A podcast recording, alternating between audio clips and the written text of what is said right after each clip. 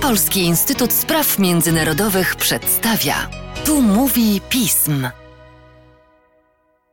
Tu mówi pism. Przy mikrofonie Mateusz Józwiak, a wraz ze mną Bartłomiej Znojek, analityk Polskiego Instytutu Spraw Międzynarodowych do spraw Ameryki Łacińskiej. Cześć Bartku, dzień dobry Państwu. Cześć Mateusz. Szanowni Państwo, Luis Inácio Lula de Silva, znany jako Lula, stał na czele Brazylii już dwukrotnie w latach 2003-2010. Po tym jak zwyciężył w październikowych wyborach prezydenckich z prezydentem Jairem Bolsonaro, rozpoczął swoją trzecią już prezydenturę wraz z Nowym Rokiem, w niedzielę 1 stycznia 2023 roku. Dokładnie teraz, tydzień później, z Brazylii, a szczególnie jej stolicy, mieliśmy właściwie nieprzyjemność oglądać dość dramatyczne sceny, w których tłum fanatyków Bolsonaro wdarł się do najważniejszych organów władz państwa, protestując przeciwko wyborowi Luli i domagając się interwencji wojskowej, która miałaby przywrócić władzę poprzedniego prezydenta. Jak to w wypadku długich wstępów, pora przejść do esencji podcastu, a więc odpowiedzi na trapiące nas pytania. Zacznijmy może więc od pierwszego. Co się wydarzyło wczoraj w Brazylii? Jak właściwie doszło do szturmu?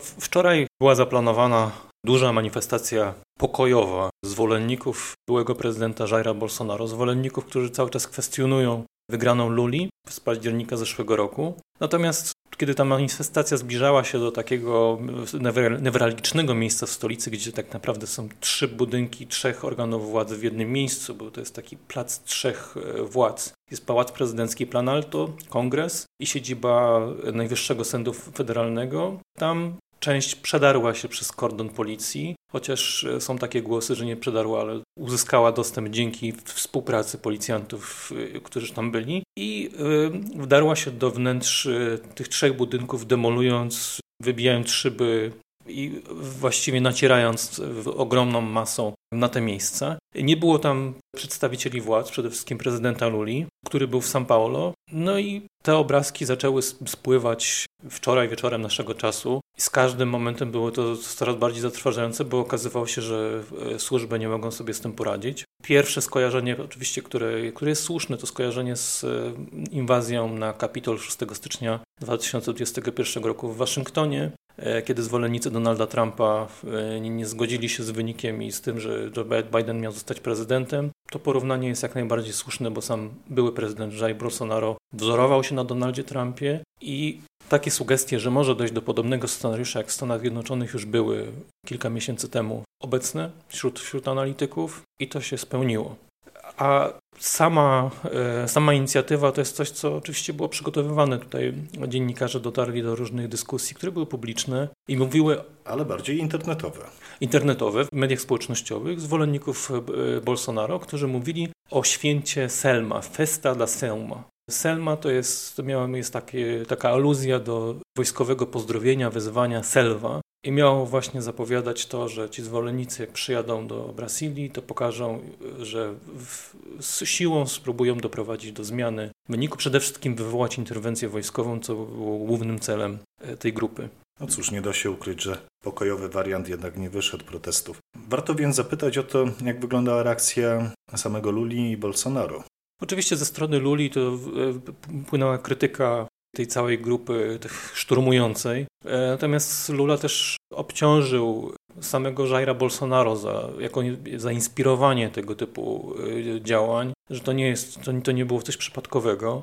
Był to też taki szczegół związany właśnie z niedopilnowaniem czy nieprzygotowaniem się przez władze dystryktu federalnego na taki scenariusz związany z przemocą. W związku z tym Okazało się, że sekretarz do spraw bezpieczeństwa dystryktu federalnego był na Florydzie, gdzie przebywa też Bolsonaro i został odwołany przez gubernatora. Sam gubernator też był e, celem krytyki i prezydent Lula zdecydował o przejęciu kontroli nad dystryktem federalnym przez władze centralne i wysłaniu wojska do stłumienia manifestacji, do wyciągnięcia protestujących, co, co się udało. Udało się zapanować nad tymi siedzibami. Ze strony Bolsonaro to trzeba tutaj pamiętać o tym, że po przegranej e, wyborach on właściwie się wycofał z życia publicznego, bardzo długo milczał. E, po kilku dniach od drugiej tury wyborów e, jego wystąpienie było takie bardzo zwięzłe, natomiast w, żadnym momencie nie potwierdził, że akceptuje wynik akceptuje Lulę jako prezydenta i z, właściwie z jego wypowiedzi można, można było interpretować różne wnioski. Myślę, że jego zwolennicy Dokładnie, odczytywali, w zinterpretowali. Tak, odczytywali, że jednak Bolsonaro jest za tym, żeby ci zwolennicy za, niego się, za nim się opowiedzieli. Oni w ogóle pikietowali jednostki wojskowe, wzywając armię do interwencji i cały czas tego tak naprawdę oczekiwali. To był jeden z celów, który, którym się kierowali przy tym szturmie, wczorajszym szturmie. Natomiast oczywiście Bolsonaro tutaj zrzucił winę na, na to, że na lewicę, która w 2013-2017 miała też dokonywać podobnych aktów zniszczeń. Od 2013 rzeczywiście doszło do, do, do inwazji na różne instytucje publiczne w proteście przeciwko lewicowemu rządowi Dilmy Rousseff, czyli następczyni Luli. W 2017 roku rzeczywiście były próby zniszczeń kilku ministerstw podczas rządów Michela Temera, który był wiceprezydentem podczas prezydentury Dilmy Rousseff i zastąpił ją po tym, jak ona została odwołana w procedurze impeachmentu. To były protesty antyrządowe, więc to nie do końca było, to były protesty społeczne. W przypadku tych e, wydarzeń, które teraz się odbywają, no to nie można tutaj e, mówić o tym, że to jest coś odrębnego od inspiracji samego prezydenta, byłego prezydenta e, Bolsonaro. Trzeba tutaj też zaznaczyć, że Bolsonaro dwa dni przed inauguracją Luli wyjechał na Florydę do Stanów Zjednoczonych. Mimo, że to jest zwyczaj, tradycja, nie chciał przekazać władzy prezydentowi Luli, a sam w swoim profilu na Twitterze cały czas nazywa się prezydentem kraju. Kończąc jeszcze odpowiedź na, na pytanie, na reakcję, e, znamienne jest to, że Bolsonaro, odpowiadając na krytykę Luli, nazwał go szefem władzy wykonawczej, a nie prezydentem, co można interpretować jako nieuznawanie go jako prawowitego e, szefa państwa. Wydaje mi się, że wobec tego warto zadać podsumowujące pytanie: jak Twoim zdaniem obecna sytuacja rzutuje na prezydenturę samego Luli i jego plany, no i e, również w sumie jakie są skutki dla Bolsonaro i jego zwolenników. Bo jeżeli popatrzymy na kampanię wyborczą, to właściwie Lula i Bolsonaro byli faworytami. Nie było kandydatów, którzy mogliby im zagrozić. I ta kampania była, charakteryzowała się bardzo dużym stopniem polaryzacji, napięć, radykalizacji, bo też doszło do zabójstw przeciwników politycznych. I te napięcia się tak naprawdę utrzymują. I dlatego też Lula tuż po wygranej w drugiej turze wyborów prezydenckich bardzo mocno położył nacisk na to, że chce zasypać te podziały, że Brazylia jest jedna, jest jedno społeczeństwo i on chce dążyć do tego, żeby jednak odbudować tę jedność społeczną. To, co teraz się wydarzyło, pokazuje, że to jest bardzo trudne rozwiązanie, jeżeli możliwe.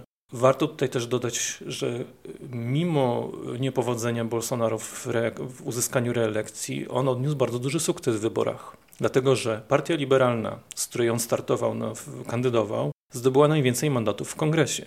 Bolsonaro, mimo bardzo nieprzychylnych sondaży, w pierwszej turze okazało się, że miał dużo większe poparcie niż to przewidywały różne firmy sondażowe. A druga tura zakończyła się co prawda zwycięstwem Luli, ale była to najmniejsza przewaga zwycięzcy nad kontrkandydatem od dekad. Więc Bolsonaro tak naprawdę wychodził po tych wyborach z bardzo dużym kapitałem politycznym, y, który mógł wykorzystać w opozycji. Tym bardziej, że perspektywy prezydentury ludzi są bardzo, no nie, nie są zbyt optymistyczne. Sytuacja jest trudna, bardzo duże wskaźniki biedy, głodu, trudna sytuacja gospodarcza, przewidywany wzrost gospodarczy nie jest duży, więc Bolsonaro mógł spokojnie punktować Lulę. Natomiast widać, że położył większy nacisk na to, żeby utrzymywać mobilizację swoich, swoich zwolenników, poddawać wątpliwość e, system wyborczy Brazylii i niekoniecznie wykorzystywać e, tę dobrą sytuację, która mogła mu tutaj pozwolić na utrzymanie poparcia, zwiększanie go